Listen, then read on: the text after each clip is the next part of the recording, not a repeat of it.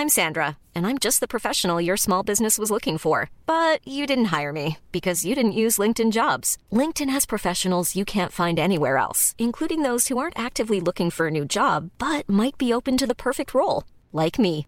In a given month, over 70% of LinkedIn users don't visit other leading job sites. So if you're not looking on LinkedIn, you'll miss out on great candidates like Sandra. Start hiring professionals like a professional. Post your free job on linkedin.com/people today. Ready to pop the question? The jewelers at BlueNile.com have got sparkle down to a science with beautiful lab-grown diamonds worthy of your most brilliant moments. Their lab-grown diamonds are independently graded and guaranteed identical to natural diamonds, and they're ready to ship to your door. Go to BlueNile.com and use promo code LISTEN to get $50 off your purchase of $500 or more. That's code LISTEN at BlueNile.com for $50 off. BlueNile.com code LISTEN.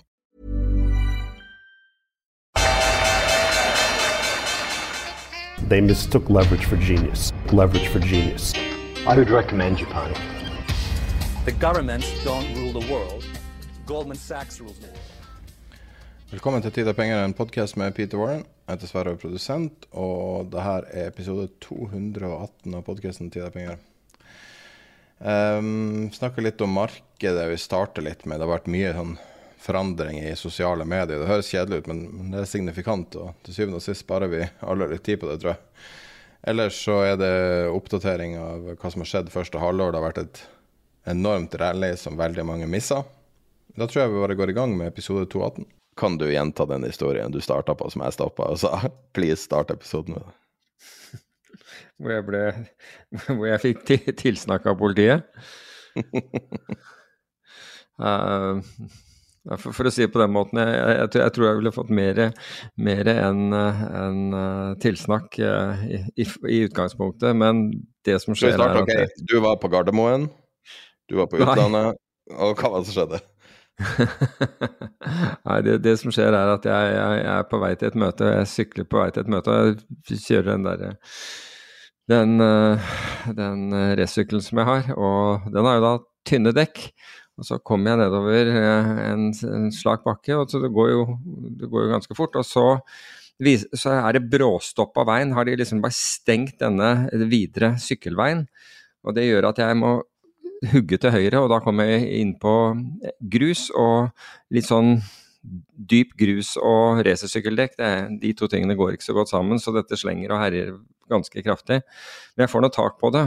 Og der har jeg rett foran meg, da jeg endelig liksom der, så står en politimann og, og, med, med, hånda opp og, og, og stopper meg og syntes at det der var Jeg husker ikke hva, han karakteriserte det, men det var uforsvarlig et eller annet sånt. Det var, var det han sa. De drev nemlig og stoppet uh, elektriske sykler. Min er ikke elektrisk, men jeg tror de gjorde en sånn Ikke 30 år gammel? ja, ja, faktisk. De gjorde en, de gjorde en teknisk sjekk på, på, på, elektriske sykler. Jeg tror de måler om de er om de er trimmet eller ikke. Men greia var da at jeg kom fra motsatt retning, og han hører sikkert det derre at, at, grusen spruter, eller et eller annet sånt. Så ble jeg dratt inn med en gang. Og så mente han at det der var uansvarlig. Så det, det som faktisk er uansvarlig her, det er at det, det er satt opp en betonghindring på en sykkelvei uten varsel. Det er uansvarlig. Og det kan føre til ulykker. Og så så han opp der jeg kom fra, og så sa han ja, du sier noe der. Uh, ja, men hadde du gått over ende der sånn i den farta, så, så jeg hadde shorts på, så hadde du ikke sett pen ut. Nei, jeg, jeg, gjør vel ikke det i utgangspunktet, men det hadde antageligvis blitt verre, sa jeg. Så jeg, jeg, er enig i det. Men det var som sagt ikke med, med viten og vilje at, at, det ble sånn, men jeg hadde ikke noe valg. Så, men jeg fikk da sykle videre. Men de hadde, de hadde, de hadde kontroll på syklister. Da. Men det er, jo, det er, jo, rett og rimelig. Det er jo, også, det er jo, øh, det er jo mange gærninger i, i uh, trafikken. Det var du som kjente han karen som hadde en sånn elsykkel som kjørte i 90 km i timen? Ja. ja det. skal, vi, skal vi skal slette det, kanskje? Nei, er, men han bruker ikke den lenger, for, for, å si det på den måten. Han har, han faktisk tatt av um, tatt av batteriet på den og, og syklet den isteden. For det var en sånn fatbike. Den gikk noe helt hemningsløst. Det er klart, når du ligger på motorveien med en fatbike og, og kjører forbi biler, så det, ser jo ikke, det ser jo ikke bra ut. Jeg er helt enig. Men jeg, jeg prøvde den aldri. Men, men, poenget mitt er at, at det er én ting som må være fullstendig underrepresentert i, i ulykkesstatistikken. Antageligvis fordi den ikke blir, blir tagget riktig. Og det er, det er fotgjengere som går med telefonen foran seg og da eh, facetime med andre og gå rett ut i trafikken. Og det er nesten daglig. altså Jeg ser det både når jeg kjører bil og når jeg er på sykkel. Det er helt utrolig. Folk følger ikke med. Folk går jo i, går rett inn i lyktestolper, og de går inn i hverandre. og Noe av dette er jo komisk, men samtidig er jeg helt sikker på at antall trafikkulykker, altså hvis du kan kalle det trafikkulykker fordi du er gående trafikant, riktignok, den, må den antallet må gå rett gjennom taket. For det der blir bare verre og verre. Og på, på Når var det? Lørdag. Jeg var ute og padlet. Og da kommer det en kar, ser jeg en, en gummibåt som, som, nærmer seg. Og dette er et sund, og det, det var jo gråvær på, på, lørdag, så det var lite båter på, på fjorden. Og så etter hvert som kommer nærmere, tenker jeg skal skal vedkommende begynne å svinge av snart? Og så gjør ikke vedkommende det. Jeg sitter og ser ned i bunnen av båten og kjører båten. Og så roper jeg, og da er det faktisk så nære, altså når passerer at det er sånn meter fra Jeg må innrømme at jeg fikk en sånn voldsrefleks der et øyeblikk som, som heldigvis uh, så, som, som, heldigvis ikke, ikke, kom helt ut i muskulaturen. Men uh, så, å bare se tomt på det, da har han liksom nesten kjørt ned en, eh, en kajakk. Fordi han sitter eh, Denne personen her, jeg vet ikke om det var mobiltelefonen eller noe sånt vedkommende så på, men følger ikke med på hvor kjører i det hele tatt. Så det er jo selvfølgelig verre når det er uh, førere av ting som går fort og veier mye, som, som, sitter med telefonen foran seg. Jeg hadde samme samme tilfelle i en rundkjøring som er nær der, der jeg bor. og Da ligger jeg i rundkjøringen og så kjører en bil ut men med en person som har strak arm over rattet på FaceTime, og som da ikke viker for, for, for biler i rundkjøringen. Og så går det bra for de andre bremser. Så det der når politiet er strenge i, i forhold til folk med mobiltelefon i, i, bil, så tror jeg det er helt innafor, og at det sannsynligvis skaper mange, mange, mange flere ulykker enn vi er klar over. Jeg vil anslå at hver annenhver bil jeg kjører forbi på motorveien, sitter med telefonen i handa og øynene mot telefonen. Ja, I så fall så er det helt galskap. Altså da Det er mye kø på motorveien, da, og folk eh, er rett på det med en gang. Så Tror ja. ikke de her uh, høye botene har stoppa det, i hvert fall ikke fra det jeg ser sjøl. Men uh... Nei, jeg, jeg, ser også det, men jeg, jeg syns at jeg, jeg, ser mindre når jeg er og kjører i, i trafikken. Heldigvis så sykler jeg på, på sånne sykkelveier dersom det er eh, praktisk mulig. Men dersom det er mye mennesker som går der, så kan du ikke, og da må du være i, i veibanen, fordi sykler beveger seg såpass mye fortere enn det, enn det folk som går og dytter barnevogner og, og, og ja, går og snakker med Går fire i bredden osv. Det blir bare, bare, kaos av det. Men uh, jeg håper altså sånn for, all, for everyone's safety at, uh, at, at, folk blir litt mer oppmerksomme på dette. Kjøp boken 'Fokus', og se hva, hvor mye av, av, tiden din som blir stjålet ved at du går og stirrer på mobiltelefonen din hele tiden. Da er det på tide med et kommersielt innslag. Dette er en del av vår serie som heter Med deres egne ord, der vi snakker med selskaper notert på Oslo Børs som vi kanskje, kanskje ikke kjenner så godt til. Så får vi høre hva de eh, driver med, hvordan det går og hvordan framtida ser ut. En artig måte å bli kjent med selskaper på, og vi kaller det Med deres egne ord. Da starter vi. Vi sitter med Alf Martin fra Induct, og eh, det er en liksom artig situasjon å være i. For jeg kjenner ikke Induct så, så veldig godt. Så hva er det dere driver med? Det er et, et, enkelt spørsmål, men det er et spørsmål vi har prøvd å besvare med de selskapene vi snakker med. Og, og hva, er dere, hva, er deres daglige virke, fra, fra, ditt perspektiv? Ja, altså vi er et eh, innovativt eh, teknologiselskap. Eh, Og vi har holdt på ganske mange år nå, så vi har et, et, en, en, veldig god plattform i, i bånn. Som vi da kan levere gode nisjeprodukter på.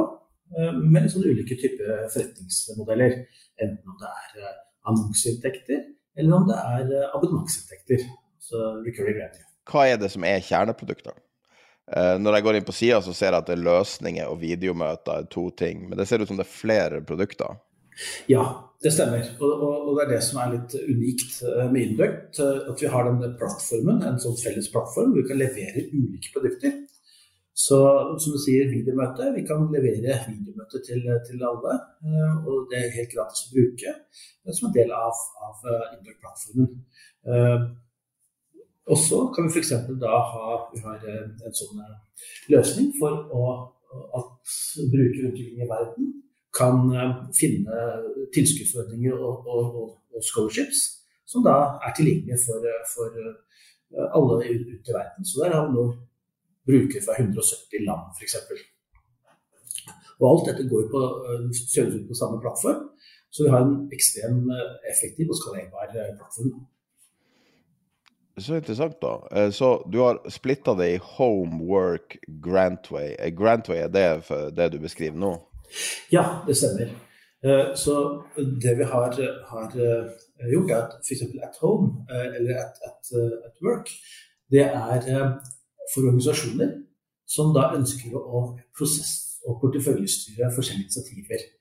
Vi kommer jo fra Innovation Management-området, hvor da uh, selskaper, om det er private eller offentlige, da har en løsning hvor de kan samle inn gode ideer fra ansatte, pasienter, kunder, leverandører.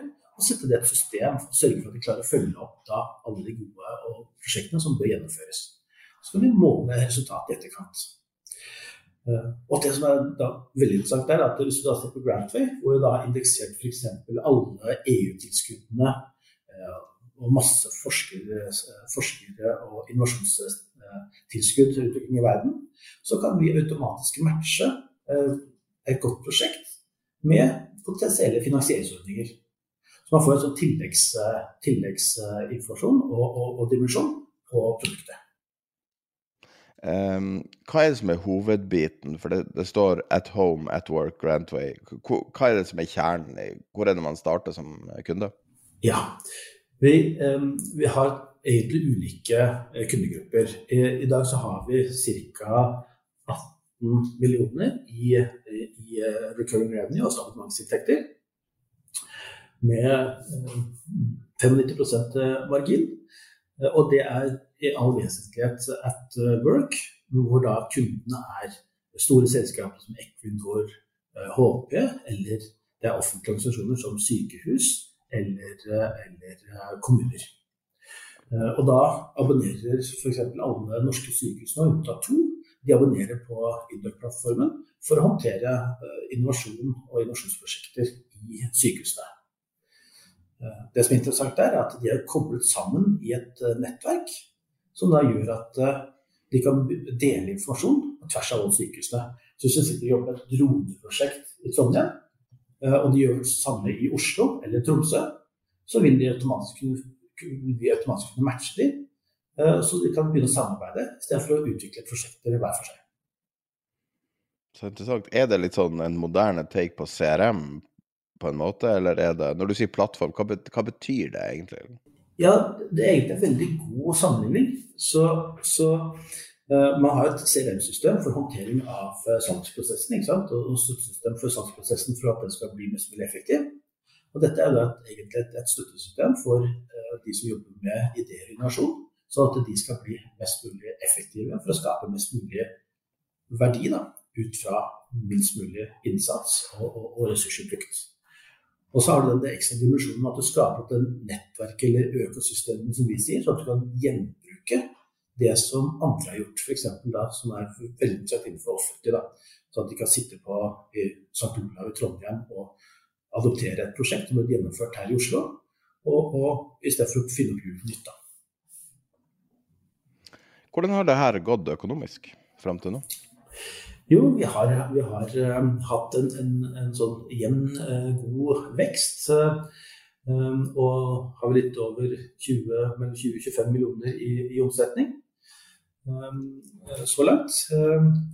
vi ser at dette med økosystemer og prosessstøtte er i god vekst.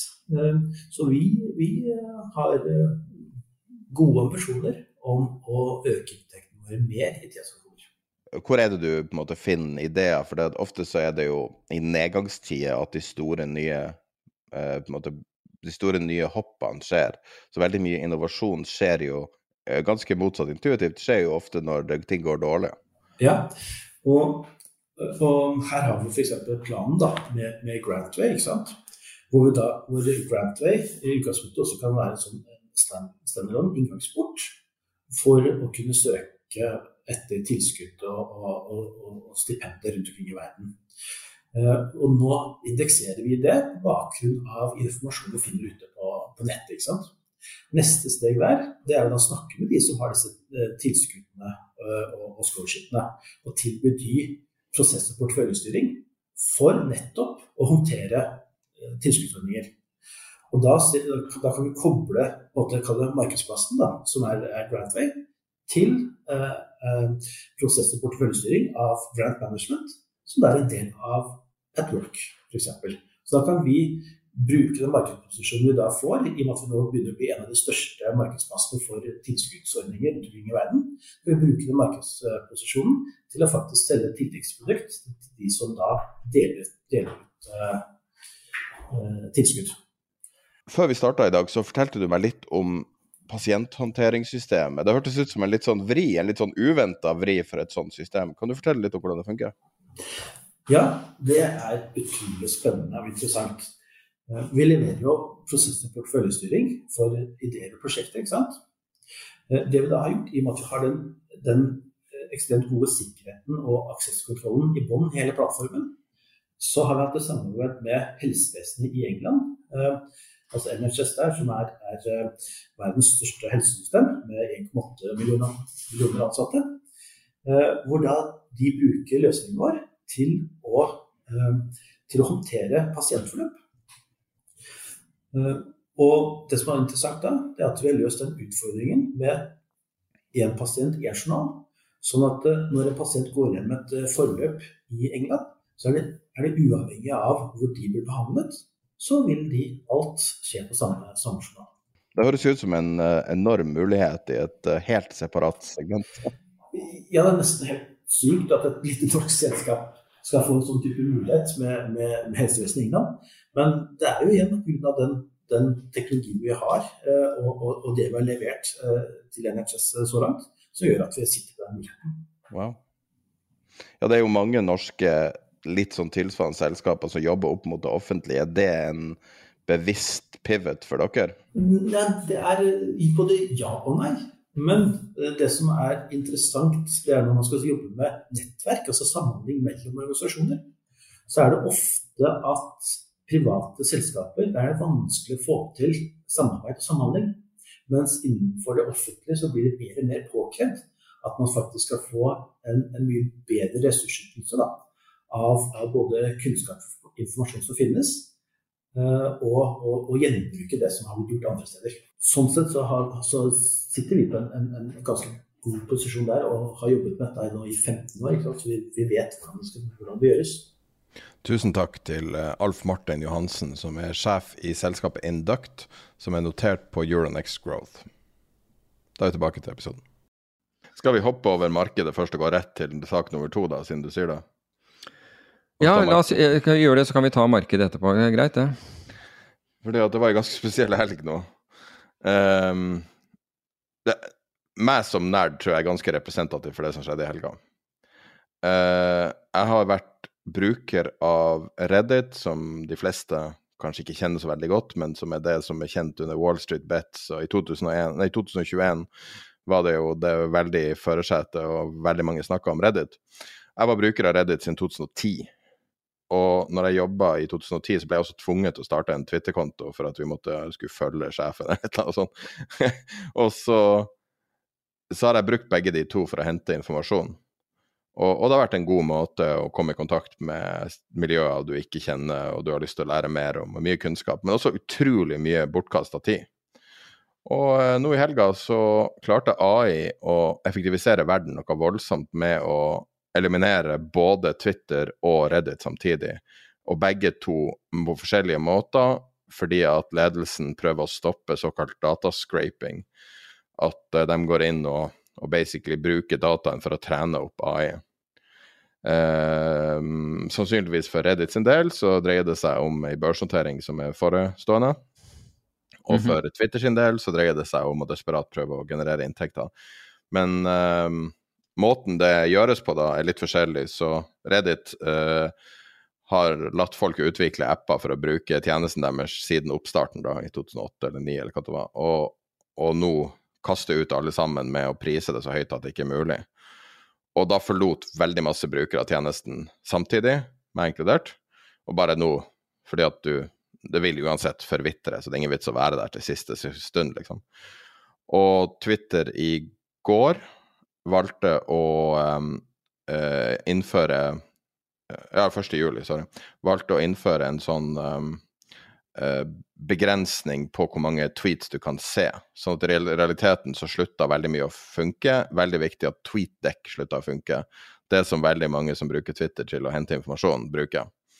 Uh, fordi at uh, du viser 600 tweets på noen sekunder. Liksom. Og så Hele poenget er at du skal betale for det her. Sånn at veldig mange forlot Twitter nå i helga. Vi har jo Tid og penger har fortsatt en Twitter-konto, men Twitter er stort sett det er mindre og mindre informativt. Og nå er det nesten ikke informativt i det hele tatt. Men kan du ikke forklare, forklare for jeg har fortsatt ikke helt forstått hva, hva som er gjort. Altså det begrenser hvor mange tweets du kan se i døgnet, eller?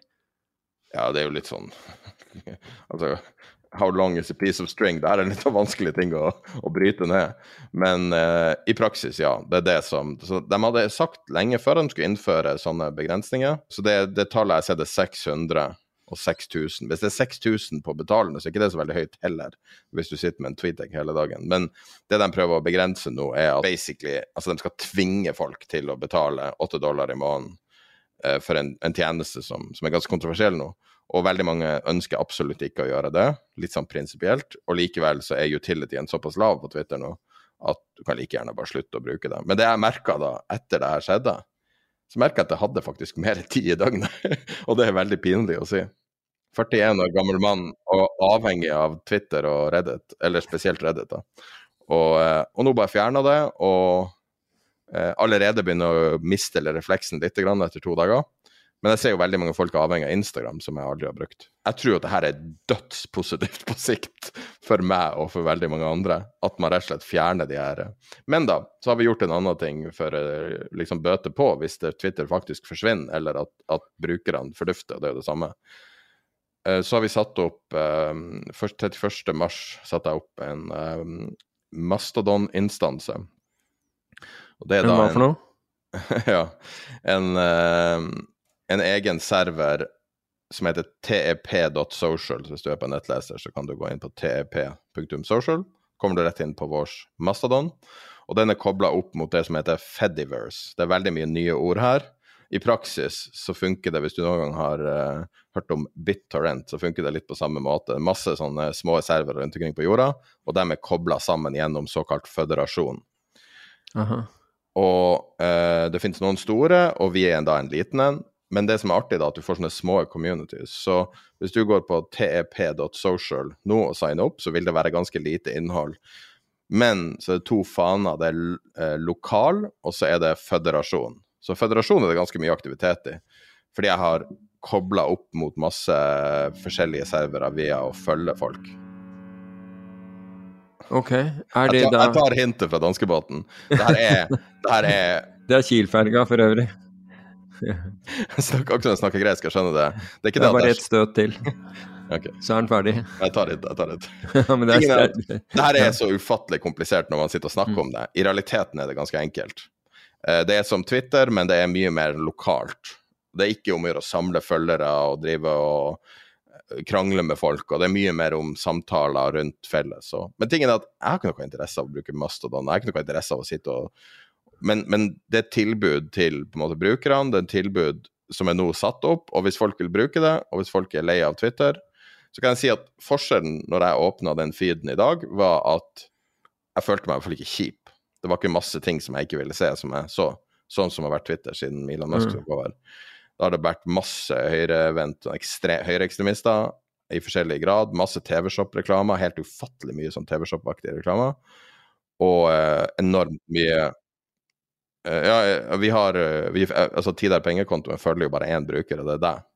Så, ja. da, så, den kontoen er helt sånn ekstremeksponert for alle tweaks de gjør. Okay. så, så uh, Men uh, men hvis du liker det, så er det jo bare å bruke det. Tingene jeg bryr meg ikke om den religiøse Nei, men, men la, la, meg bare forsøke å forstå. Altså, for uh, man kan bruke Tep Social som en nyhetskanal på samme måte som Twitter. Det kommer mange nyhetsfeeder inn der. Så hvis, sånn vil, hvis, det er det du vil ha, så er det klart i dag. Du trenger ikke å følge noen, du bare lager en konto der, og så går du på Federated. Den, da trykker jeg på fanen som heter Federated, og så får jeg en du, Jeg har lagt til masse nyhetskilder der, og masse andre kilder for å prøve å åpne opp. For hver gang du følger en person som er på en server der ingen fra din server følger noen, så åpner du ei kobling, direktekobling mellom de to serverne. De kan kommunisere. Okay. Sånn at det er en måte å koble deg på nettet med å begynne å følge folk. Så det har jeg gjort nå. Men det ender opp med at en Federated-fanen er en ganske bra nyhetskanal. Men jeg skjønner. Men, men altså, jeg har samme opplevelse som deg. Jeg, jeg helt klart ser at Twitter har blitt annerledes de siste månedene, og i, også i økende grad, bl.a. med med markedsføring er blitt vesentlig mer Det renner inn. Jeg har ikke fått uh, Hva var det du hadde fått for? TV-shop eller et eller annet sånt? Jeg har ikke fått det, men jeg har fått mye annet. Når jeg sier TV-shop, så mener jeg videoreklame for et eller annet bullshit-produkt fra Kina å oh, ja, ok. Uh, ja, ja, ok. Sånne, sånne greier. Uh, det, så jeg, jeg, har merket det, og jeg, jeg, det, er blitt, det, er blitt, mindre inter, interessant. Men nå, vært, nå, sitter ikke jeg og følger Twitter he, hele dagen. Uh, jeg går inn og, og, ser på Twitter noe. Men på, men, men på den På um, Tid er penger social, et Tep Social, så er det reklamer der også, eller er det ikke det? Det er ingen eier Mastodon. Mastodon er en du kan tenke på det som en app, men på en måte så er liksom kryptospråket kanskje bedre. Uh, så, men det, det, som er så herlig med det her, er at det er desentralisert, det er ingen som har makta, og det er ingen krypto, på tross av at det er desentralisert. For en gangs skyld er det ingen spekulering involvert i det her. Det er kun det det utgir seg for å være. Det er kun en, er kun en funksjon, ingen spekulering. Uh, det fins jo noe som heter Noster, blant annet, som er Jo, Men vil ikke det være relativt til hvem du følger, da? Ja, men tingen er at det her er bare tech, det er ikke noe spekulering i det. Det er ikke en token, det er ikke en, en kryptotoken knytta opp til det, som det er med veldig mye nye sånne her ting. Men du ser jo, de her, de her tjenestene har jo ikke hatt livets rett, ikke sant? så det er jo ikke en grunn, det er jo ikke rart at de verken Reddit eller Twitter altså Reddit og Twitter til sammen har holdt på i, i, eh, til sammen i 30 år eller et eller annet, hvis du slår alt sammen. Og totalt sett har de to selskapene hatt ett eh, profitabelt kvartal. Det var ett kvartal der Twitter tjente penger. Når var det? Når det var eh, et år eller to siden. Ok. Og, og ellers har de bare tapt og tapt, fordi at de her tingene er ikke bærekraftige. Det er ikke noe penger Nei, i det. Jeg vet at Musk sa på et eller annet tidspunkt at eh, Twitter tapte 4 millioner dollar om dagen eller noe sånt, og det hørtes jo helt voldsomt ut.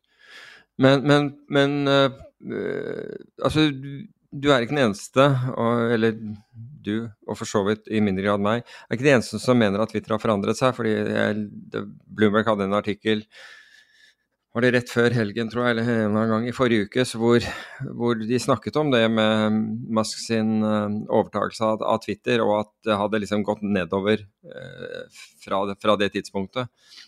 Og at de beslutningene han, han hadde tatt, bl.a. han hadde sparket massevis av essensielle mennesker osv., at, at det hadde bare blitt dårligere. På min så kommer det en eller annen som driver noe reklame for noe Eh,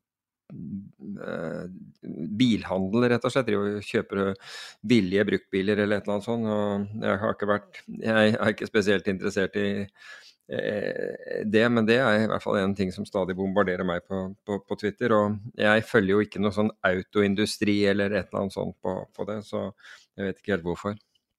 Men ok, det er jo greit å ha et alternativ uansett. Og hvis, er, hvis det er renere i form av av uh, input, så er jo det kjempebra. Og jeg visste faktisk ikke før du, du sa det at det var årsaken at tweetdekken ikke fungerte. Jeg trodde jeg hadde dårlig nett jeg, når, jeg, når jeg så på dette her i går. tenkte jeg her må jo være en elendig nett, jeg får jo bare én strøm på, på tweetdekk. Og tweetdekk var noe som du satte opp for meg i sin tid, og den har vært Jeg har syntes at den har vært kjempenyttig.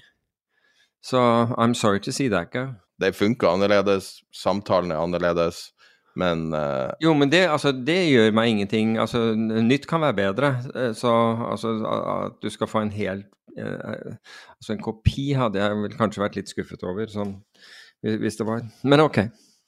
Jeg skal ha, passe på å, å, å, ha det oppe også, så men som sagt, jeg, jeg, sitter ikke og følger med dette her hele dagen. Ikke jeg heller. Og, og um, det var det før tider, så hadde jeg ofte tweeteken oppe store deler av dagen.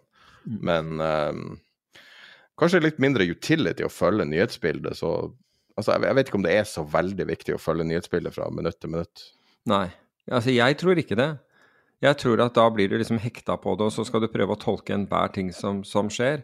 Og, da, og, for det første så, så blir det lite uh, det, det, blir lite tanker bak avgjørelser hvis du skal liksom spontant reagere på alt som uh, foregår der. Så jeg tror at det skal være noe mer cerebralt eh, enn det for at, eh, for at, det, skal være, for at det skal være nyttig.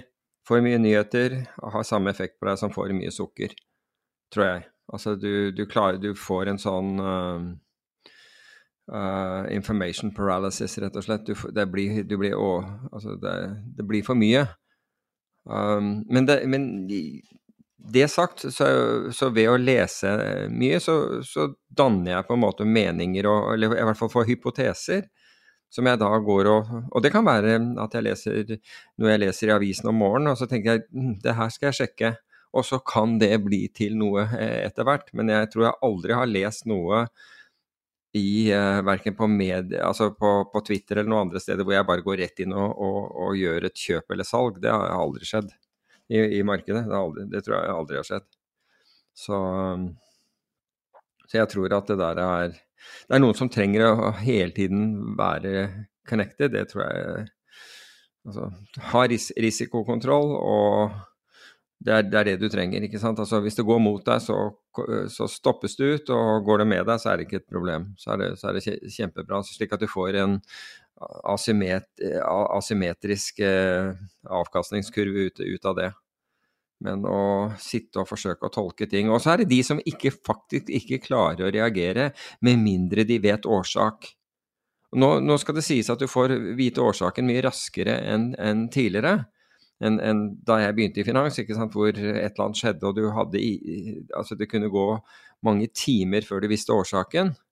I dag får du vite årsaken gjerne ganske raskt hvis det er noe av, av uh, betydning. Men, uh, men, igjen så har det med at du, at du har kontrollert risiko, at du ikke skal ikke kreve at du sitter og følger med. Altså Hvis du, du pip-trader, altså de veldig veldig små bevegelser, så må du følge med på kursutviklingen. Det, det, som skjer foran deg. Men å, å, sitte og følge en nyhetsfeed eller bestemme deg for at det, det, begynner å gå mot deg, men hvis jeg ikke vet årsaken, så, så kommer jeg ikke til å eh, så, så, kommer jeg ikke til å selge meg ut hvis du er long eller et eller annet sånt. Det, altså, det, det er, er, ting som står på, på gravstener. Han, han, skulle vite hvorfor før han solgte. Det er sånn, det er sånn graveinskripsjoner. Men øh, kanskje vi skal gå til noe mer positivt, og det var markedet. fordi markedet i første halvår har jo for så vidt vært uh, litt avhengig av hva slags investor du er. For, for noen så har det vært veldig frustrerende. Um, men for de fleste, altså hvis du ser sånn totalt på det, så har det, jo vært et, det vært et bra marked. Det har vært bra marked for aksjer, dårlig marked for, eh, for råvarer. Det må jo være sånn, sånn uh, bird's eye view-tema, og dårlig for, uh, for, for, altså for, råvarer, herunder energi, som har vært veldig dårlig i, um, i, i, i, første halvår. Hvis vi ser hva som, hva som har dratt, da, så er det jo igjen, som vi, vi har snakket om, et fåtall teknologiaksjer det er ikke som han har omfavnet alt innenfor teknologi, fordi det er bare et fåtall teknologiaksjer, The Magnificent Seven som, som, de kalles nå, med Nvidia på topp, som har på en måte kan forklare nesten hele oppgangen. Altså SMP, eh, 500 husker ikke hva den var, er nå 13% eller noe sånt noe i eh, Nei, 16 mener jeg den var. 16 mener jeg den var opp i, i første halvår. Men uh, ut, utenom disse, disse fåtall av teknologiaksjer, så, så ville den vært opp fem. Så det, det, har vært et smalt rally, men for de som har da hatt SMP 500, så kan man bare glede seg at det var selvfølgelig over, over, utviklingen, og enda mer hvis du var i, i Nasdaq og fikk en oppgang på, på 39% men av de, altså, Vi nevnte så vidt Nvidia, som da er opp, opp ca. 190% og MicroStrategy 100 og, så, og, og så hadde jo Palantir på 140. Av de andre tingene vi har fulgt, så er, har du jo denne Bitcoin-trusten, denne kanadiske Grayscale Bitcoin Trust, som er opp 138% og har fortsatt 30% rabatt til det underliggende bitcoin som, som, denne sitter på. Og dette var jo en, en, rabatt som var på over 40% men som har gått inn i forbindelse med, og som vi forklarte i forrige øh, sist podkast, at BlackRock uh, søker om å starte en bitcoin-ETF. Og så, har, så vidt jeg har forstått, så gjør Fidelity det, det samme. Mens vi er inne på det, da, så bitcoin steg jo 82% i, eh, i første halvår. Og så, er, og så, har vi snakket om dette hvordan volumet, eh, altså transaksjonsvolumet eh, på bitcoin-børsene har falt dramatisk, og det er helt riktig. Men der det ble satt rekord, er faktisk der hvor, de, hvor, institusjonelle investorer kan handle. Og det er på Chicago Mercantile Exchange, hvor de handler bitcoin futures de satte en ny all time high i, i, i volum. Så det er tydelig at det er institu... Altså, bare forklare at i øyeblikket så er det slik at reguleringen ikke tillater da fond å kjøpe eh, bitcoin spot, altså man handler å kjøpe bitcoin og ta levering i din elektroniske wallet. Det er ikke godkjent så, av, av myndighetene, så fond de, altså de, de, store fondene er da, store eller små, spiller egentlig ingen rolle, de er nødt til å kjøpe derivatet, altså future-kontrakten av bitcoin. Så sier du hvorfor det? Jo, fordi det er kleret i et clearinghus.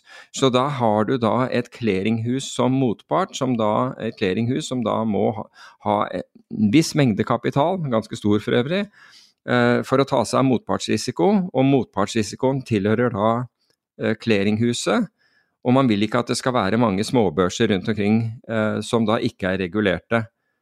Så eh, Chicago Mercantile Exchange er en regulert børs i USA. En av verdens største, om ikke verdens største, derivatbørs.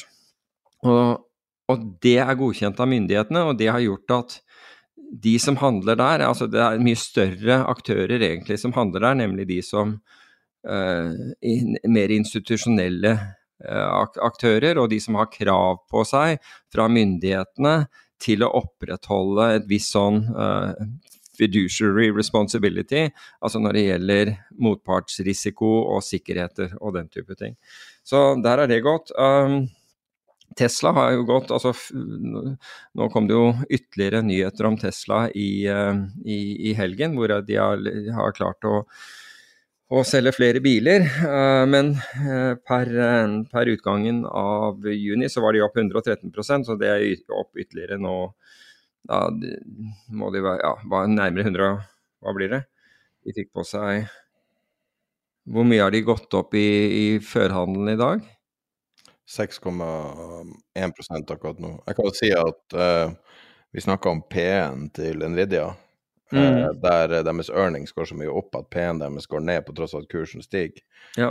Uh, Tesla P-en i 2022 var 68, og estimate for 2023 er 79. Wow. Det høres ut som galskap når, når selskapet er kommet så langt i utviklingen som de har gjort.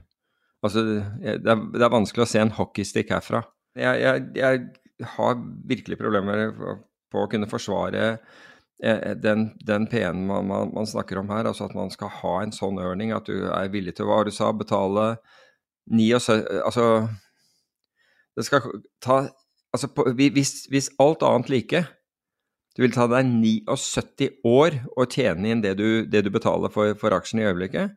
Nei, Poenget mitt er at når du har så høye multiples som, som, det, så er det jo det Det er jo vanlig ganske Eller vanlig er det ikke, men, men, men selskaper som er i veldig tidlig fase, og som man ser at hvis disse lykkes, så kan, sant, så kan det, er det astronomiske utsikter.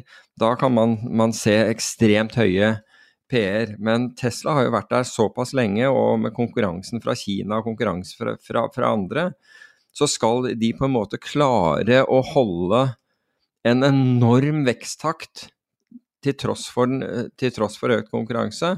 Vil du høre litt andre PE-er fra med Spears? Ja, det er gjerne.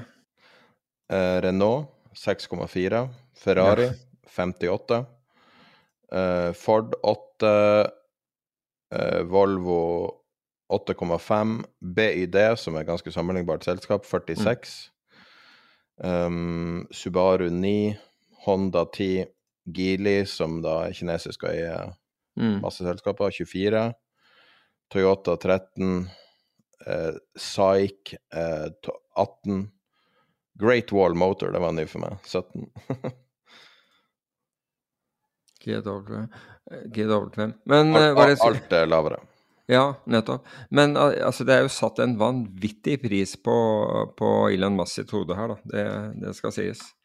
Men time will show, for å si på det. Men time will show. Jeg, jeg har problemer med å se at man skal klare å forsvare dette her, men jeg vet at de som Altså, det er en religion, det har vi snakket om før. Altså, Tesla er en religion. Og man skal ikke messe med folk som er uh, som er eh, ekstremt opptatt av religion. De kan til og med være farlige. Så dem om det. Så, Men sånne spike-dager som i dag har historisk sett vært toppene deres, når det kommer en nyhet som er sånn moderat positivt, og så blir det mottatt på den måten. Okay. Men uh, vi er jo fortsatt et godt stykke fra deres all time high, så den kan sikkert stige masse herifra. Men uh, det har gått veldig mye veldig fort, da. Ja, det, det har det jo gjort. Ellers, da. Galaxy, altså uh, Mike Novogratz sitt eh, selskap opp 52 eh, Blockchain-ETF-en er opp 50% i år. ARK, Cathy Wood, opp 41% altså Hun nyter jo godt bl.a. Av, uh, av Tesla. Less so av Nvidia, som jeg mente hun solgte, gjorde hun ikke det, eller tar jeg feil? Ja, ja jeg har solgt det før, eller? Ja, nettopp. Uh, Nasdaq var vi inne på, opp 39. ETF-en for AI, eller i hvert fall den ene ETF-en jeg vet om for AI, er opp 35% på året. SMP opp på 16, som vi nevnte. Uh, verdensindeksen for aksjer, MSCI World, opp uh, eh, 12. Og dollaren har da eh, steget uh, 10% mot, mot, norske kroner. Dette i, i, første halvår. Ser vi på Ser vi på Oslo Børs, så var Oslo Børs opp 2% i første halvår. Det er en det er, ah, Amerikanske statsobligasjoner var for øvrig opp 3,4% i samme i, i, eh, i samme tidsrom.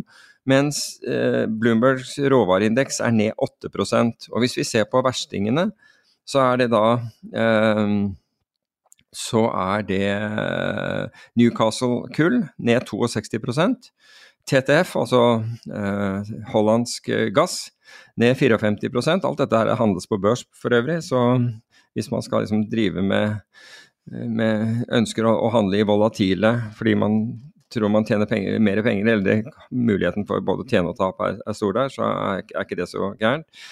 Eh, britisk naturgass ned 49% og nordisk elektrisitet, altså dette er forward-kontrakt for, for, Q3, er ned eh, 25, eh, 25 I, Så det er jo ting, disse tingene som har falt, er jo stort sett ting vi kan glede oss over at har falt.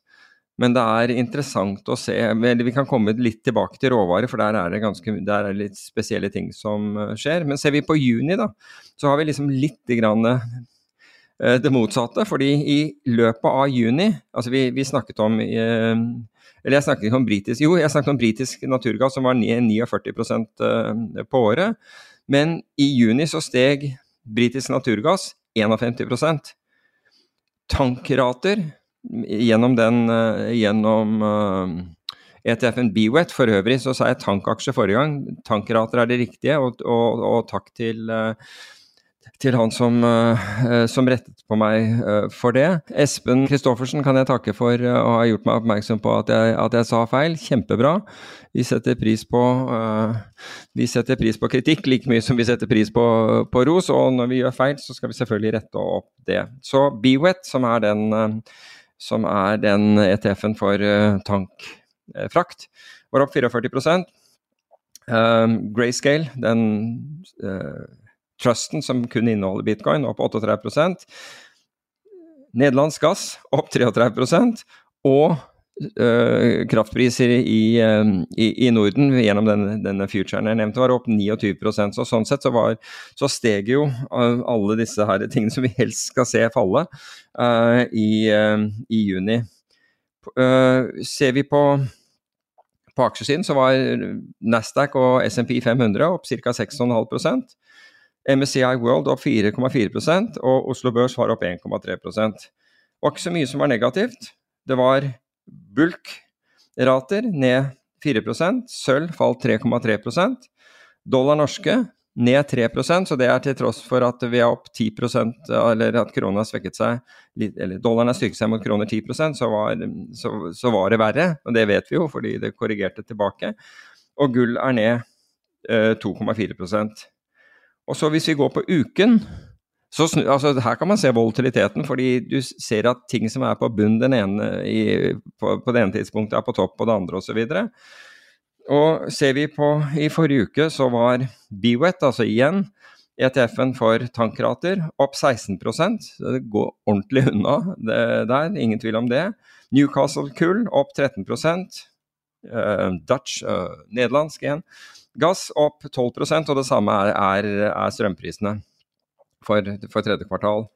På nedsiden så har vi bulk, som falt, bulkratene som falt 10% Uranium, nei det heter uran på norsk, falt 2 og, og ETF-en for biotek-aksjer var ned, ned 2 Men jeg skulle komme tilbake til dette med, med, med råvarer. Og der har det skjedd en del. Og det ene er jo at det er lengste, altså For brentolje så er den lengste rekken av kvartaler med prisnedgang på over 30 år. Så der har det helt opplagt skjedd noe. Altså lengste tapsrekken målt i kvartaler på 30 år. Ser vi på, ser vi på øh, amerikansk olje, altså WTI, West Texas Intermediate, så har du ikke hatt to tapende kvartaler som du nå hadde siden 2019. Og det har resultert i Vi kan jo egentlig komme inn på Andurand etterpå, hvis du, altså ut fra dette her.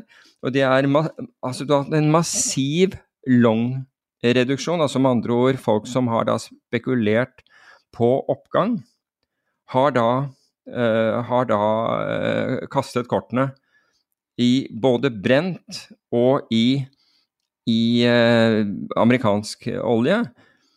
Og den er nå, altså de som da satser på oppgang, den, det er så lavt, altså den åpne balansen av den, at vi er på 13 års low. Og hvorfor er dette signifikant? Og det er signifikant av, av, av, av to grunner. Det ene er selvfølgelig krigen i Ukraina. Og det andre er at de amerikanske lagrene da er på, er, nå redusert, og nå snakker jeg om de strategiske lagrene, til nivåer man hadde på 80-tallet. Så hvis du ser på Hvis du tar alt dette i betraktning, altså hvis du tenker på oljekurven, altså Ford-kurven av olje er backward-dated. Dvs. Si at olje for levering denne måneden er høyere priset enn olje for levering om seks måneder, tolv måneder, et antall år frem i tid. Altså den, den kurven er hele veien fallende. Det betyr at hvis du er short olje, så ruller du til, til, til stadig dårligere priser. Så du har det, og du har en høyere rente mot deg. Og hvis du tar de tingene i betraktning, så Og du tenker at det er riktig å være short olje her. Nå skal det sies at uh, i det helt korte, korte bildet så har da Saudi forlenget sin, sin, eh, sitt, sitt, produksjonskutt. Det skjedde i, i, dag. Så det produksjonskuttet de allerede har gjort for å forsøke å opprettholde oljeprisen, det, det forlenges, og det har da gitt en effekt, men ikke, ikke i nærheten av hva det, det, har nok vært delvis diskontert i markedet, fordi jeg, jeg så det hoppe 90, 90, cent, altså i underkant av oljeprisen eh, steg i underkant av en, av en dollar som, som, følge av det. Men hvis du, hvis du tar disse lagrene i betraktning, Altså med andre ord, vi, det er ikke mye å gå på her. Produksjonen er, er, er ned. Det geopolitiske bildet er hva skal vi kalle det, dystert, for å, si, for å, si, det på den måten. For det er ingenting som tyder på at, at uh, krigen i Ukraina uh, er i ferd med å, å avta, snarere det, det motsatte. Og du, og du, tar i betraktning da altså Hvis du skal shorte olje på de, disse nivåene med den backwardated kurven osv., så, videre, så må du ha tro på at etterspørselen etter olje skal falle tilbake til nivåer som vi ikke har sett siden finanskrisen. Så det gjør jo at Shortselgerne har tydeligvis et ekstremt dystert syn på, på, på, fremtiden, mens aksjemarkedet har et helt annet syn, det er helt tydelig. Aksjemarkedet tror jo at alt skal gå bra, og at ingenting blir et eh, blir, De priser som det ikke fins noen usikkerhet der ute, til tross for renteoppgang, til tross for lavere likviditet, til tross for politisk uro, så, priser, så oppfører aksjemarkedene seg som alt er i orden. Og så har du da et råvaremarked og da spesielt på, på energisektoren og, og, olje, som priser inn en resesjon lik det vi så i forbindelse med finanskrisen. De to tingene henger ikke sammen i mitt hode. Og jeg tenker at her oppstår det muligheter. Og det er ikke sånn der i panikk så, så bør du begynne å selge aksjer, eller gå long olje. Men her, et, en av disse aktivaene er etter min oppfatning priset feil. Og Så kan man velge hvilke man tror er, er, priset feil, og det er mange måter å gjøre dette på. Man kan jo gjøre ting som å gå long olje, f.eks. gjennom op opsjoner. Altså du kan ta opsjoner på olje i desember 23 eller desember 24 eller, eller hva som helst. Altså utnytte den backward-dated kurven, altså med andre ord at fremtidsprisene er lavere enn spotprisene i, i dag. Det er én ting, og det andre er at det er mindre volatilitet lenger ut på kurven, så du betaler, en, du betaler mindre volatilitetspremie på opsjonene lenger tilbake, eh, altså lenger ut på kurven enn du gjør på, i, i det korte. Så det er mange ting som gjør det, det, attraktivt. Så det er mange måter å utnytte dette på. Du kan utnytte det på å spredde det. Men det gir, det gir grunnlag, etter min oppfatning, for mange hypoteser om hvordan man kan kanskje tjene penger. Altså hvordan det kan være mulig å, å pos, pos, uh, posisjonere seg uten å ta altfor mye, mye risiko. Så, så har vi opp, også opplevd at spekulanter har kuttet posisjoner, og det er ikke så rart. Altså kuttet long-posisjoner i nesten alle råvarer.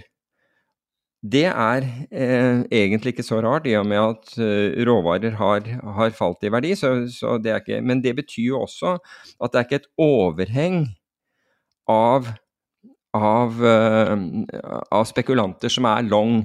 Tvert imot så så vi jo ganske kraftig dumping av long-posisjoner uh, i forrige uke. Så jeg tenker jo at mye av den derre spekulative eksessen Altså, tenk tilbake hvordan det var på GameStop, hvor det var bare gærninger som drev og, og, kjøpte disse eh, Meanstock-aksjene, og hvor lite det holdt, så tror jeg liksom veldig mye av spekulantene er nå kommet ut av markedet, og det kan gjøre, gjøre dette interessant. Og så ser du andre steder i, i råvaremarkedet, altså hveteprisene er lavere enn ved inngangen til året. Og nå kontrollerer altså Russland kontrollerer ca. 20 av, av, av produ produksjonen. Ukrainas produksjon er mer enn halvert, så den er ca. kanskje 5% Russland leverer da og nå er det godt mulig at man Hva heter det på norsk? Weaponizes, weaponizing hvete. Uh, hva heter det på norsk? Altså at du at du, bruker, at du, kommer til å bruke det som et, et form for våpen, da, sånn, som, sånn, som, Russland hadde tenkt å gjøre med, med gass til Europa. Men, men, Russland leverer jo da altså De største kjøperne av russisk hvete er, er, Tyrkia, Egypt, Iran, Saudi-Arabia. Men så har du altså alle disse landene i Midtøsten og Nord-Afrika. Så det at de kan kontrollere så stor mengde av, av hveteeksporten kan også være altså skal vi også være oppmerksom på skje opp, oppi, oppi det hele. Så jeg føler jo at når vi nå går inn i andre halvår, og da Det er jo det, det rallyet som har vært i aksjemarkedet, er vel kanskje det least loved rally ever. Mye fordi veldig mange ikke forstår hvorfor kursene har gått opp. Og du kan si at du kan forstå hvorfor kursene på Nvidia og Palantir og disse her har gått, egentlig. The Magnificent Seven, som, som, som, den gjengen kalles. Fordi det har hatt med AI osv. å gjøre. Og det er først og fremst de som har dratt lasset. Og det er ikke noen grunn til kanskje at, at, de, at de, skal slutte å dra, men de har, de har liksom, det er mye energi gått, gått inn der. Men du, du, har en unloved rally, og det betyr jo selvfølgelig også at du har ikke Altså, det er mange som har sittet på gjerdet i, de, i, dette rallyet og kanskje har behov for å, å, å kan ha behov for å, for å, kjøpe seg opp i aksjemarkedet, for alt jeg vet. Men du har i det minste fått ganske godt betalt ved å sitte på eh, ved, å, ved, å, kjøpe statsobligasjoner isteden, fordi renten har vært ganske høy der, men ingenting i forhold til hva, hva aksjemarkedet har gitt. Men det blir veldig spennende å se hva som nå skjer i, i annet halvår. Om, om, disse to disse avvikene da, mellom utviklingen i råvaremarkedet og utviklingen i, i aksjemarkedet. Og, altså, det er mange selskaper innenfor i, i, aksjemarkedet som har god inntjening, for all del. Men samtidig så, har, så er rentene høye, bit, skal bite inn i profittmarginer, inflasjonen er høy, det er grenser for hvor mye du kan velte over på, på forbrukerne. Det settes i gang nå to uh, separate undersøkelser på, på, flyselskapene, hvor man mener at de har hevet prisene på, på, på flybilletter unødvendig uh, mye, og muligens også i uh, i, i, samarbeid med hverandre. Så det, det er mange ting her som man kan tenke over. slik at Jeg tror at annet, annet halvår blir veldig interessant. Og at det kan bli noen unike muligheter i annet halvår. Uh, mens, mens, første halvår har vært litt sånn frustrerende. sånn Du sitter på gjerdet, og det blir mer, og går, aksjemarkedet går videre. Nå snakker jeg ikke om det norske, for det har vært underperformed de fleste, og, og virkelig så når det gjelder uh, når, når, det gjelder på, på valutaen. Det sagt, Eh, så en venn av meg, jeg hadde lunsj med han i forrige uke, han bor i, eh, han bor i, i Florida eh, og driver med, cruise slash eiendom. Um, men han fortalte at liksom, med amerikanske øyne så, så, For han hadde sett noe på, på hus i Norge, og, og, kostbare hus. Og han sa at med, med amerikanske øyne og, og pga. fallet i kronen, så, så det, begynner dette å bli interessant for utlendinger. Dessverre ikke for nordmenn, men uh, det kan godt hende at, at, utlendinger begynner å kjøpe eiendom i, i, i, Norge, rett og slett, på basis av Og, det er dyreeiendommer, som han sa, på basis av den lave Den veldig lave kronen. Så, så det blir spennende å se.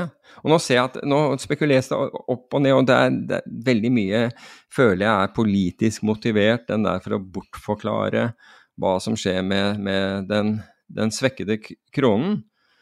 Og du var inne på dette med kompliserte skattesystemer. Det har du en, en grafe på. Ja, det kommer i nyhetsbrevet. Den var litt artig. Ja, men Kan ikke du kommentere den nå? For den, jeg syns den var, var artig. Ja, det er et nettsted som heter Tax Complexity, som har en oversikt over uh, hvor komplisert et skattesystem er i et land målt opp mot andre land. Uh, så Norge er f.eks. nummer ti. Uh, Sveits er nummer tre. Uh, når vi har uh, toppliste her, så har vi Mauritius, som er soleklart det enkleste landet. Singapore.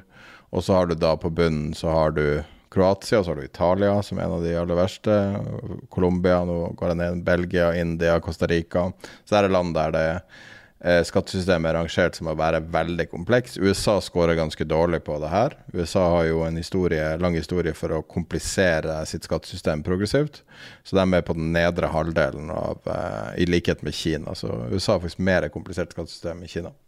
Men jeg, jeg, jeg fikk bl.a. forklart, altså, og dette visste jeg ikke, men det som er faktum, er at, uh, at Miami er jo, uh, er jo, USAs Bø i Vesterålen, for å si det på den måten. Fordi alle flytter til Miami, og det er helt voldsomt. Altså Citadel med alt det de, de bygger nye bygninger, og det er helt voldsomt hva, hva de gjør. fordi skatten i, både, på vest, og, både på vestkysten av USA, altså hvor hvor uh, gründere har holdt til, altså tech-gründerne tech, uh, har holdt på, flytter nå, nå til uh, Miami. Og det samme gjør finans, både fra Chicago, i tilfelle Citadel, men også fra New York og Connecticut. Goldman uh, flytter god del av virksomheten sin til, uh, til Miami. Men det jeg ikke visste, var at du betaler, du betaler omtrent ikke inntektsskatt i Miami. Men han fortalte at men du betaler Du kan betale ganske høy eiendomsskatt, helt opp i 2,5% Men, hvis det er, men det, på den samme nøyaktig Altså, du kan ha leiligheter i samme øh, bygg og betale vesensforskjellig eiendomsskatt. For den som har hatt øh, leiligheten lengst, betaler minst. Fordi når du da kjøper en leilighet, så kan de faktisk ikke oppjustere den den uh, eiendomsskatten i takt med, med inflasjonen. Den, den, det er noen, noen grenser for hvor mye den kan settes opp av gangen. Men i det øyeblikket du da selger den, og noen kommer inn, så, så blir den nye prisen grunnlaget. Så verdien av leiligheten, altså, altså to helt like leiligheter, er totalt forskjellig. Avhengig av hvor lenge folk har, har bodd der. Så hvis du har hatt noe i lang tid, så Eller, eh, så, eller du, kan, du, kan, leie, men hvis du kjøper noe, eller hvis du har eid den lenge, og da kan du drive business med, med massevis av inntekt, og du, du, du, skatter nesten ikke. Mens hvis du da går og kjøper deg, og eiendomsprisen har jo steget voldsomt der, så, så kommer du da inn liksom med kanskje ja, 2,3 eller 2,4 eh, eiendomsskatt. Og han sa at det det, eh, det, betyr, det, det, betyr, noe, men hvis du, hvis du, er in high income bracket, altså med andre du, du har høy inntjening, så, så, så, er det ikke gærent likevel. Så, men det jeg ikke visste, var faktisk at det er en del nordmenn som har flyttet dit også. Eh, Sveits har det tredje enkleste skattesystemet på jorda. Ja, ok. Men den er også forskjellig fra kanton til kanton, så vidt jeg forstår? Ja, og det her er jo altså hvordan de beregner skattekompleksitet, hva de gjør. Men uansett, ja, sender ut oversikten med nyhetsprøve. kan jeg ta opp en, eh, en ting om markedet? Ja.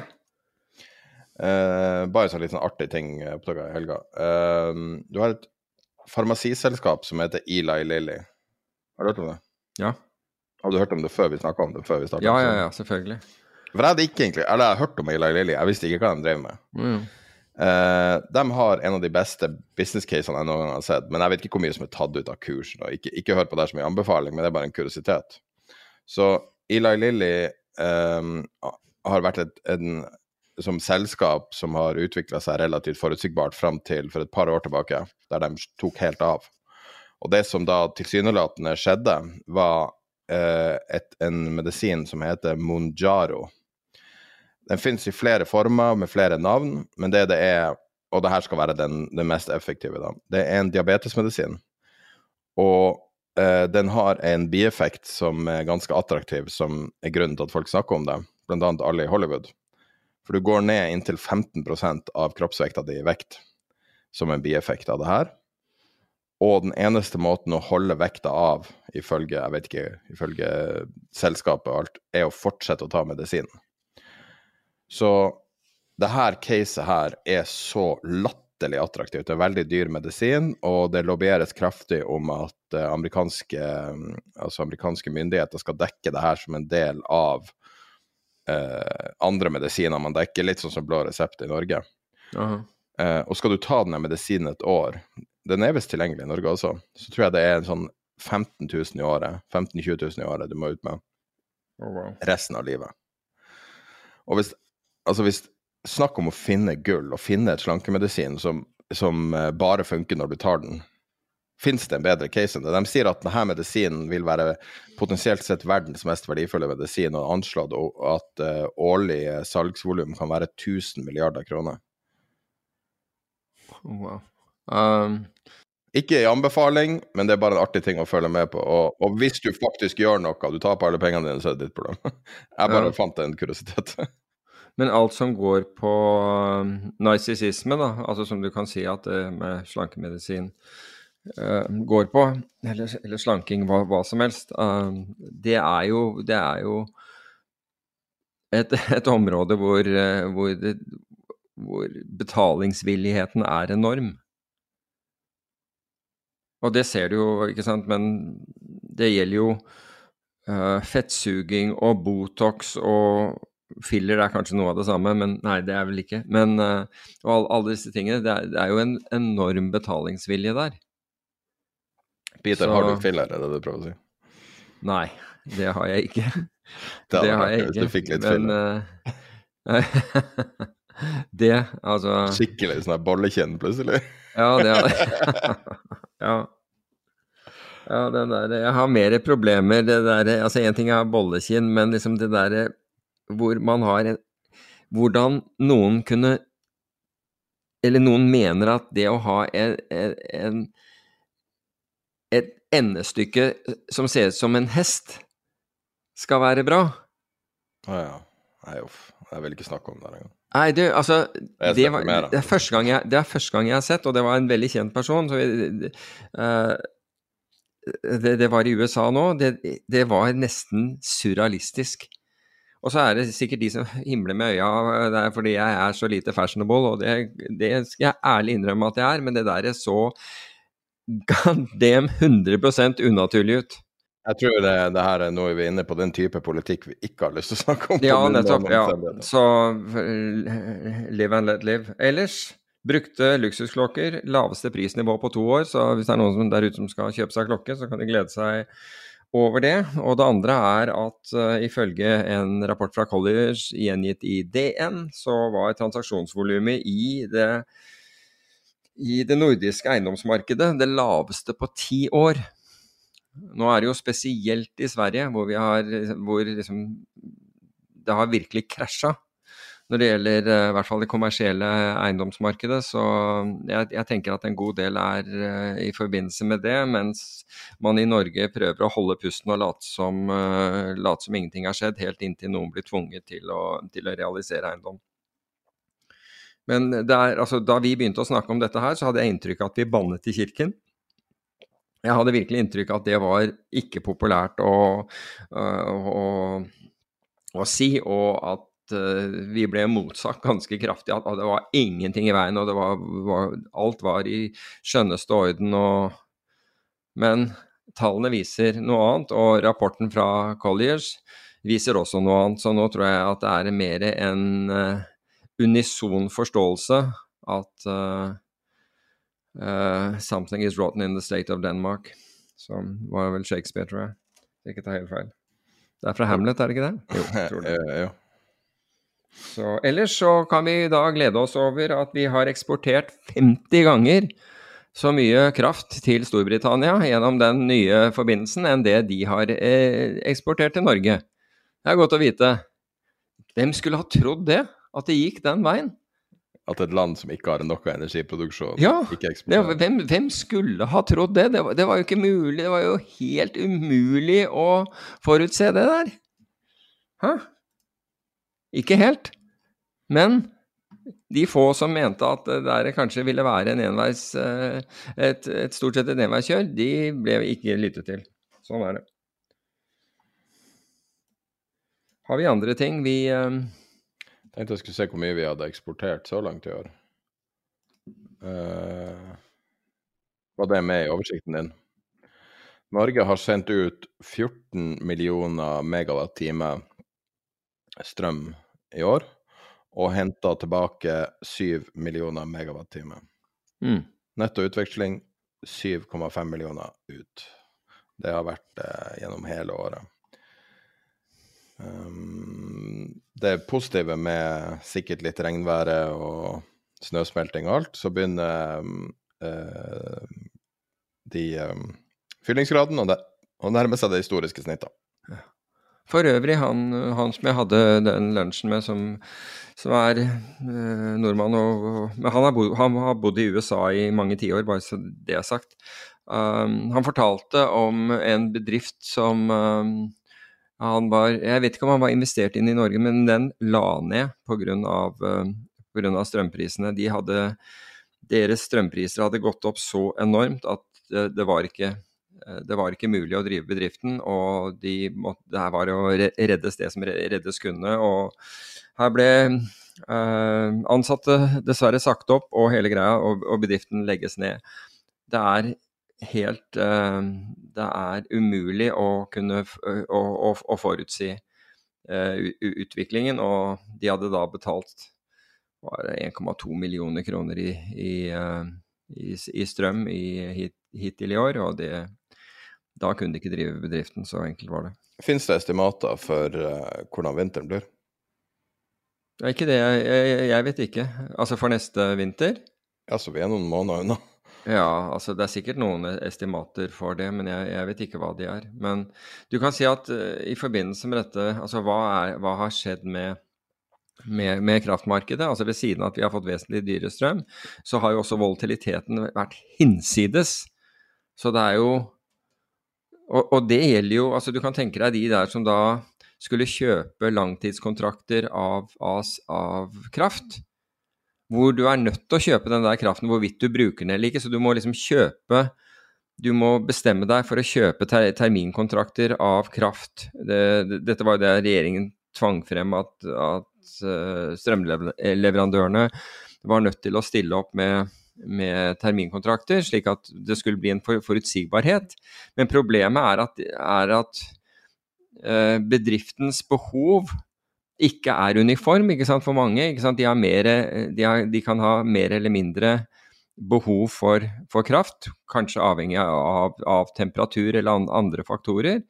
Men når du har, når du har kjøpt øh, strøm på termin, så er du nødt til å ta den imot. ikke sant? Ellers så, øh, og den du ikke bruker, den må, må da selges i spotmarkedet, slik at du risikerer også å gå på skikkelig tap. ikke sant? Og, og når, når, prisene er så volatile som de er nå, så kan du risikere å ha kjøpt kraft for, sant? På, på, på veldig høye kurser, eller i hvert fall høye kurser, og så må du levere dem til negative kurser. Altså, det er det du får, får igjen, fordi du, du, klarer ikke å bruke opp all kraften. Og den, den, kraften du ikke bruker, den må du da kvitte deg med. Så det er ikke enkelt. Det er en del ting som har skjedd i bilbransjen. Okay. Referat til vårt uh, intervju vi hadde på Patron i forrige uke, som, der vi lærte mye om uh, tingenes tilstand. Og vi lærte at høsten kan se litt røff ut. Ja. Um, det intervjuet legges ut i slutten av episoden, en liten uh, preview, og så kan du høre hele på Patron. Men uh, det har kommet ja, nyheter i dag. Ja, om låneinnstramming. Ja, så de uh, inkluderer billån inn i den femgangerregelen. Og samtidig som det så har NRK et stort bilde av kaia i Drammen. Vi hadde jo også et bilde av en av de side, sidepålastningene i Altså en av de som vi la ut på sida for ei stund tilbake. Og det her bare mm. bekrefter jo det vi har hørt, og det vi har sett sjøl, og, og, det vi lærte i det intervjuet på, i forrige uke på Patron så er det det at det, det, ser veldig, det ser veldig røft ut for bilmarkedet. Og det Jon Winning Sørensen sa, var at høsten kommer til å bli en katastrofe når det kommer så mye leasingbiler inn, og det er ingen som er kjøp på kjøperen. Og så kommer det låneforskriften i dag. Ja, da, ja, da, ja. og da, da var det jo kjempeviktig for uh, finansministeren å innføre den, den uh, moms på elbiler over 500 000. Det, måtte, det, det, det, var jo en sånn fjær i hatten, og da følte man virkelig at man hadde gjort uh, landet en tjeneste, eller i hvert fall velgerne, sine egne velgere en tjeneste. Det er fantastisk. Dette blir bra. Skal man kjøpe bil og cash, så tror jeg i høst blir det vanvittig mye gode dealer å finne. Jeg må innrømme jeg har aldri lånt penger til å, å verken kjøpe bil eller båt, heldigvis. Men nå er jeg av den gamle skolen ikke sant, hvor det var eh, Da jeg skulle ha boliglån, var vanskelig å få lån. og Jeg, ble, jeg fikk jo ikke lån til å, til å, begynne med, men så gjennom eh, selskapet jeg, jeg jobbet i, og senere ble partner i, eh, så fordi de hadde god, en god bankforbindelse, var Kredittkassen den gangen det som er Nordea i dag, eh, så, så fikk jeg likevel lån. Men du fikk ikke lån. Så jeg kommer jo fra en sånn der tid hvor man ikke lever på, på, på, på lånte penger, mens alle i dag har inntrykk av gjør det, fordi altså, det var jo veien til rikdom, var jo å gire maksimalt og, og det er også en ting jeg, jeg tenker på. altså når man Denne innstrammingen ikke sant, som blir gjort jeg, jeg, jeg, har veldig stor sympati for å, å lukke velstandsgapet i utgangspunktet. Det har jeg virkelig. Fordi eh, det er mennesker som absolutt ikke har det, har det bra. Og med en innsats så kunne man, kunne man lukke det. Og skatter er, en, er selvfølgelig en, en, legitim måte å, å, gjøre det på.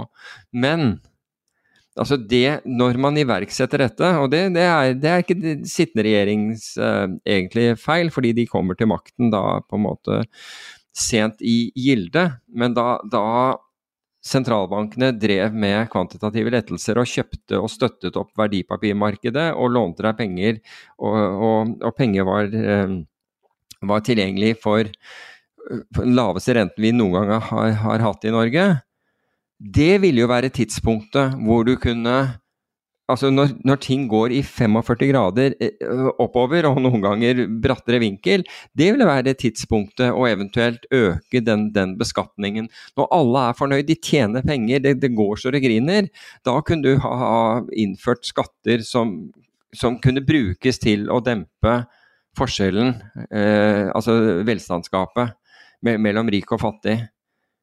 Men det som, det som dessverre skjer, er at man venter til det har snudd. Renter stiger, inflasjonen går gjennom taket. Og så, og så, foretar man da i tillegg tiltak som gjør, eh, som gjør det enda eh, mer kostbart. Altså sånn som, som f.eks. Eh, ja, det var et stortingsflertall for all del som sto bak uh, dette med, med, kabler til, nye kabler til, til utlandet og har gjort uh, strømmen vesentlig dyrere. Men det er da man liksom begynner å innføre ting, og, og nå gjøres det nærmest sånn summarisk istedenfor at noen har tenkt ordentlig over hva man, man, gjør. For nå skal man ramme de rike, og så startet man med en sånn, en sånn hatpolitikk som egentlig bare bidrar til å splitte folket. Liksom, det, men altså, denne current regjering skal, skal, ikke ha skylden for at de kom til makten eh, for sent. Altså, eh, altså, fordi de, de, kunne vanskelig innført disse tiltakene når, når de ikke satt ved roret. Det, det, eh, det får den tidligere regjeringen eh, lov å reflektere over. Men eh, det, går jo bare fra vondt til verre, dessverre.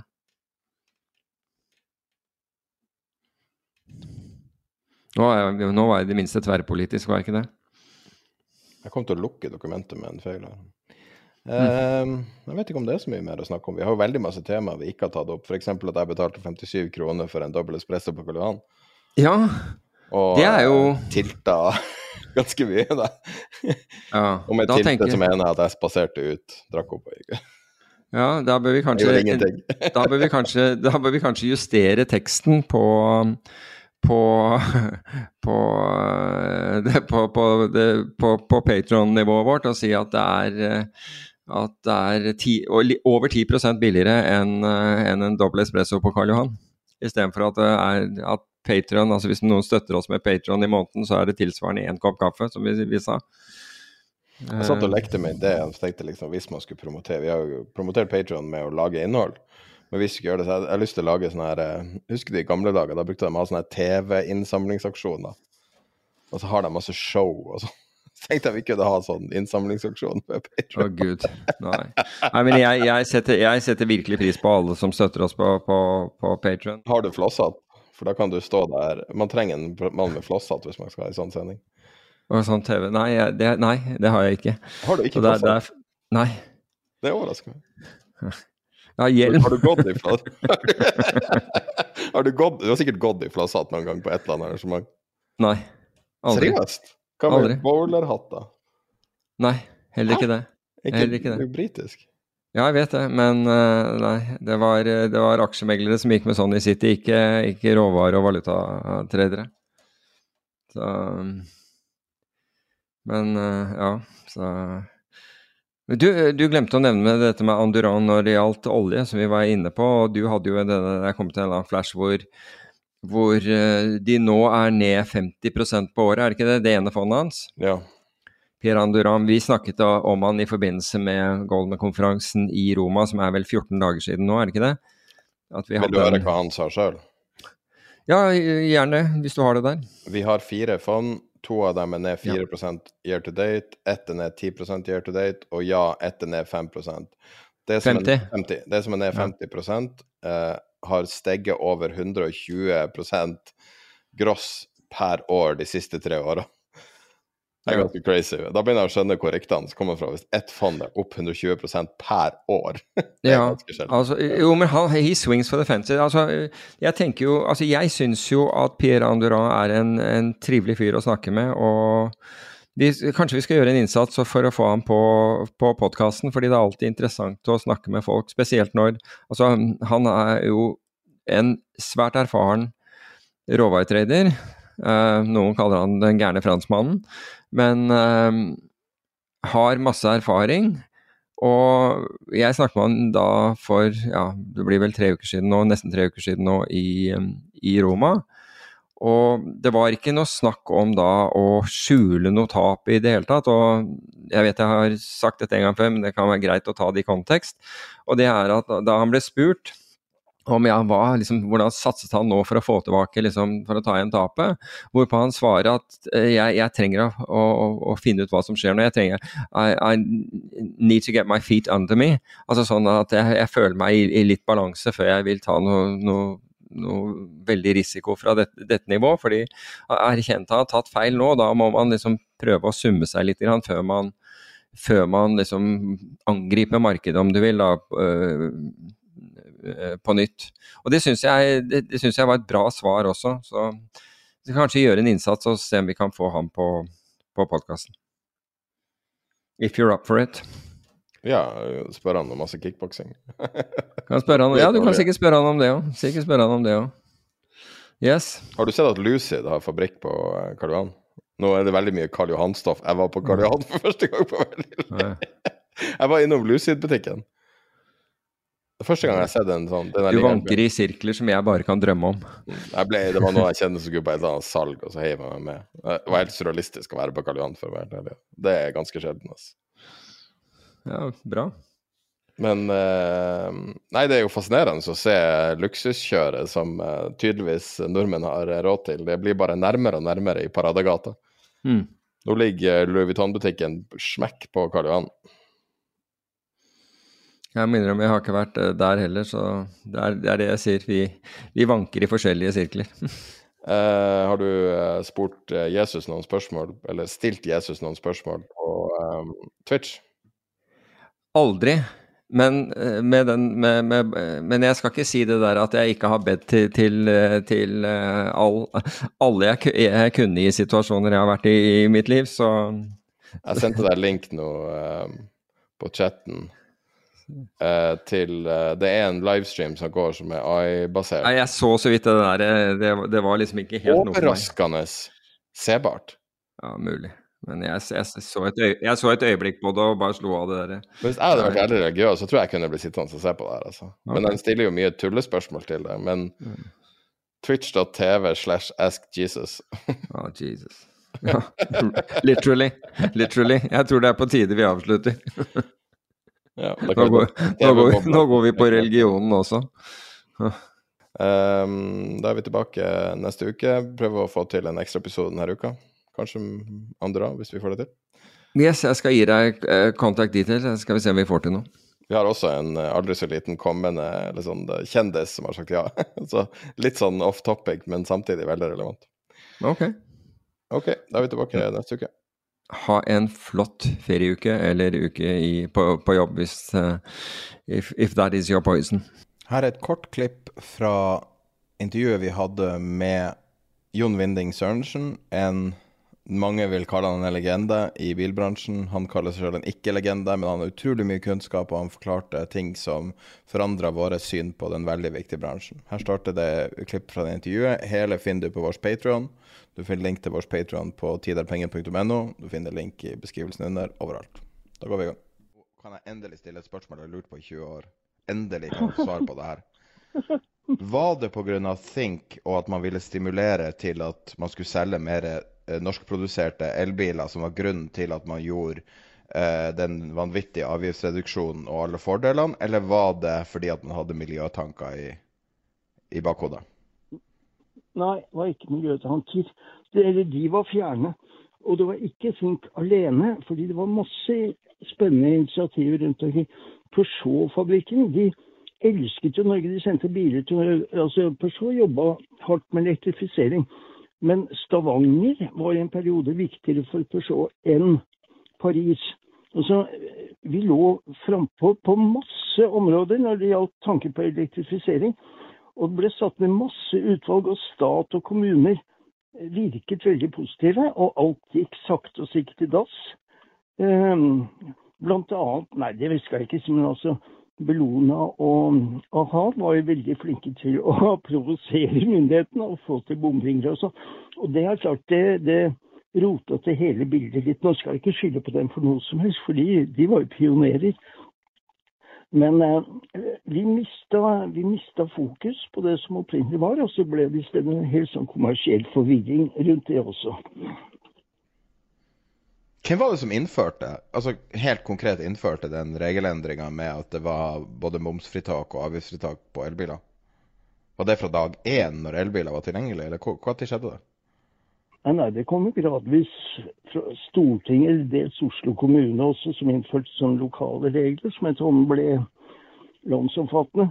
Så det var en gradvis prosess.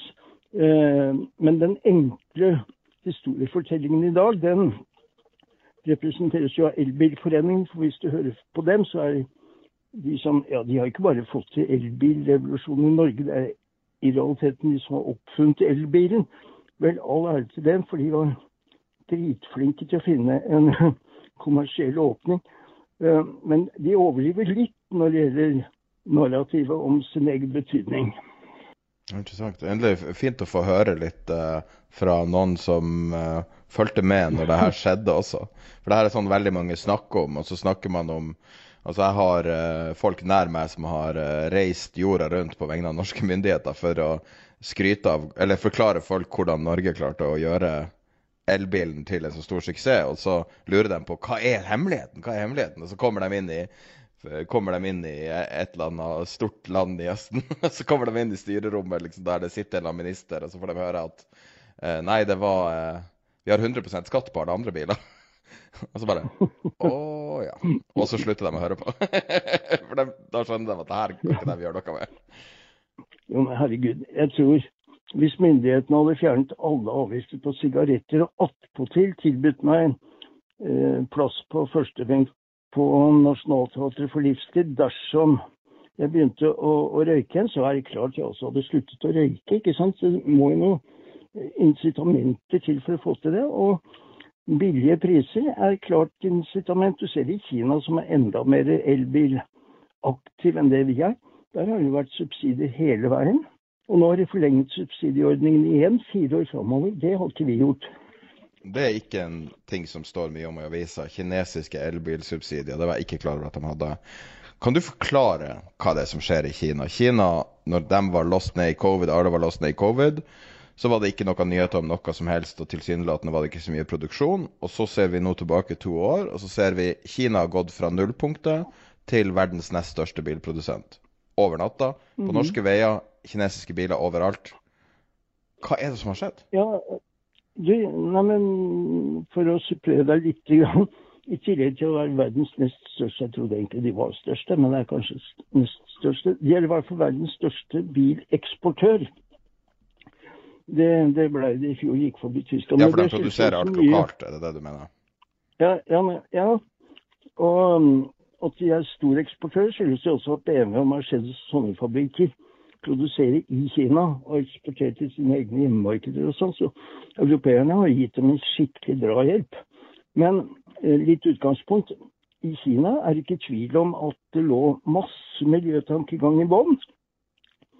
Uh, og ja, hele Kina, elbilevolusjonen, kan i grunn ja, Du kan hete det på én enkelt fyr, faktisk. Han var ingeniør hos Audi og fulgte Audis elektrifiseringsinnsats med en viss interesse.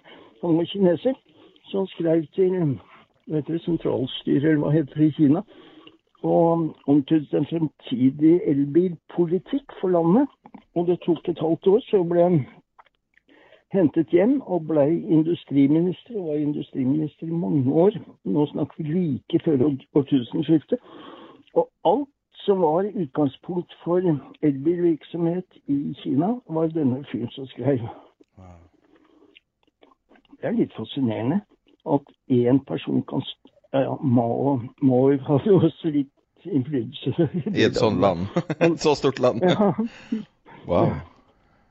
Men at en tysk ansatt, eller kinesisk tysk ansatt ingeniør til de grader kan ha sånn innflytelse, det, det syns jeg er litt morsomt. Har du vært på kinesiske elbilfabrikker? Nei, ikke elbilfabrikk. Det er egentlig veldig lenge siden jeg har vært i Kina. Jeg er så gæren at jeg reiser helt på møbelmessig med Milano på bilutstilling i Singapore.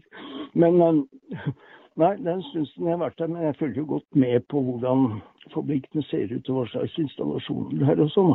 I hvert fall de som ønsker å vise frem fabrikkene sine, de er flinke til å dokumentere dem. Ja, og vi skal ta da kanskje årets, eller siste fem årenes største nyhet, i mine øyne, er vel kanskje den der Seagull-modellen.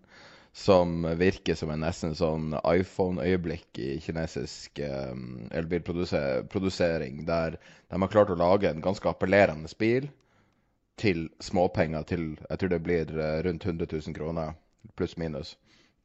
Ja, og det den kan du ikke bare eksportere til Norge og regne med å betale 100 000, også, fordi de mangler en del på de, de tingene vi syns er obligatoriske sikkerhetskrav. Så du, på de aller billigste kan du fort gange opp prisen med to hvis du ønsker å få dem europeiske. Men allikevel eh, Vi ser jo det tydelig at de har en prisforskjell. Vi så det sist på Volvo viste en ny småbil som skal komme til høsten. Så han hadde en pris som egentlig var oppsiktsvekkende. Og ja, vi ser på MG-suksessen. Eh, ikke noe gærent med MGs kvalitet, så vidt jeg vet, men det er jo prisen som er interessant. Og det er vel tradisjon at kineserne har en prisfordel. Men er det noe mer? Jeg føler at må det ikke være noe? Altså det, det, er en sånn culture shift som jeg nesten aldri har sett et land gjøre. Og Det er kanskje det du sier, at det er en mann som starta før år 2000, og så plutselig manifesterte det seg nå. Men det virker å ha vært en sånn, nesten sånn uh, At de har altså skrudd på en bryter. Altså, det sammenfaller jo ganske tett med når Tesla starta opp sin produksjon i Kina, f.eks. Uh, det, er fordi vi ikke, det er fordi vi ikke har holdt øye med hva som skjedde i Kina. De har vel aldri hatt mindre enn 70 forskjellige elbilfabrikker. Det er en sånn merkelig industri, det der. Og vi snakker om salgstall som er fullstendig latterlige. Sånn 1000 biler i måneden eller mindre enn det og sånn. ikke sant? Så det er en utrolig fragmentert industri. Men for de gutta som har et fabrikklokale og et par ansatte, er det veldig attraktivt å sette i gang produksjon av elbiler. Uh, fordi, ja, som sagt, det er subsidier i, i kundeenden men også vanvittig eller det varierer fra sted til sted, men det kan være vanvittig støtte for å sette i gang den type produksjon. For kineserne er også opptatt av å ha produktive arbeidsplasser. Så det er veldig mange av disse firmaene som bygge biler i dag som egentlig ikke har livets rett og ikke kommer til å få det på tiår framover, under forutsetning av at de fortsetter å selge, så, så, vil det ta lang tid. Akkurat som vi har sett på Tesla. Det tok jo nesten ti år før de også ble levedyktige. da.